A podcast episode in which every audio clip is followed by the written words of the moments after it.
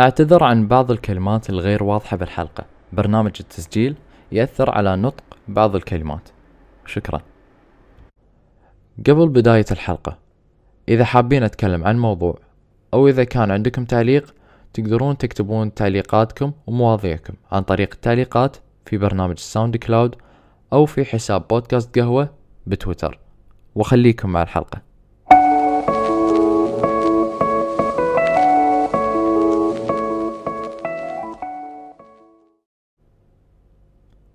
حياكم الله في بودكاست قهوة. حلقة اليوم تتكلم عن تغييرات الحياة.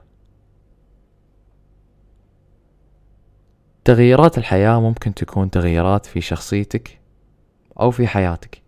تغييرات الحياة شيء طبيعي ومستحيل أن الحياة ما راح تتغير مع السنوات. لكن إذا الإنسان تغير لجزء معين راح يدرك بأن حياته السابقة كانت كلها أخطاء.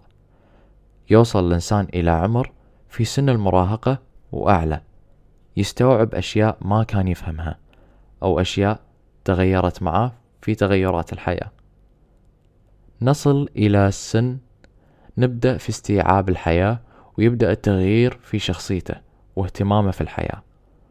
وأكبر تغيير صار في حياتي كان في سنة 2020 تغيرت شخصيتي تغيرت حياتي بالكامل. اهتمامي بصحتي صار عندي اهتمام أكثر بصحتي. اهتمامي في نفسيتي صرت أفكر بأن ما أخلي نفسيتي سيئة وسلبية طول الأيام وطول السنة. اهتمامي في دراستي صار عندي تفكير أكثر في مستقبلي وحياتي المستقبلية. صرت أقول لنفسي شلون كنت عايش في هذه الشخصية.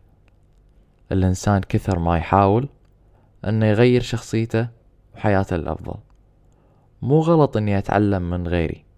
أو أسمع نصيحة غيري. الغلط أني أستمر على الشخصية الخاطئة وما أغيرها للأفضل.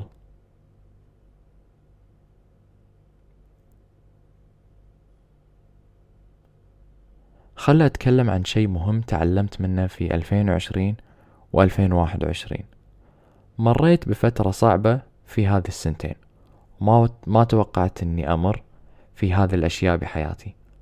تعبت وصارت لي مشاكل وضغوطات كبيرة. في حياتي ما راح أنسى هذه الفترة. لكن كل شيء له إيجابيات وسلبيات. في 2020 و 2021 تغيرت حياتي وشخصيتي بعد ما مريت بالفترة الصعبة. تغير التفكير عندي. تغيرت بعض الصفات الخاطئة اللي كنت دايما أسويها. اهتماماتي وصرت أفكر بعقلانية. وأعيد الموضوع أكثر من مرة قبل لا أتخذ القرار. وبالأخير اشتريت راحة البال. تذكروا دائما بأن لا يكلف الله نفسا إلا وسعها ولعل الله يحدث بعد ذلك أمرا. بالنهاية أتمنى أن عجبتكم الحلقة وأشوفكم في حلقة ثانية. مع السلامة.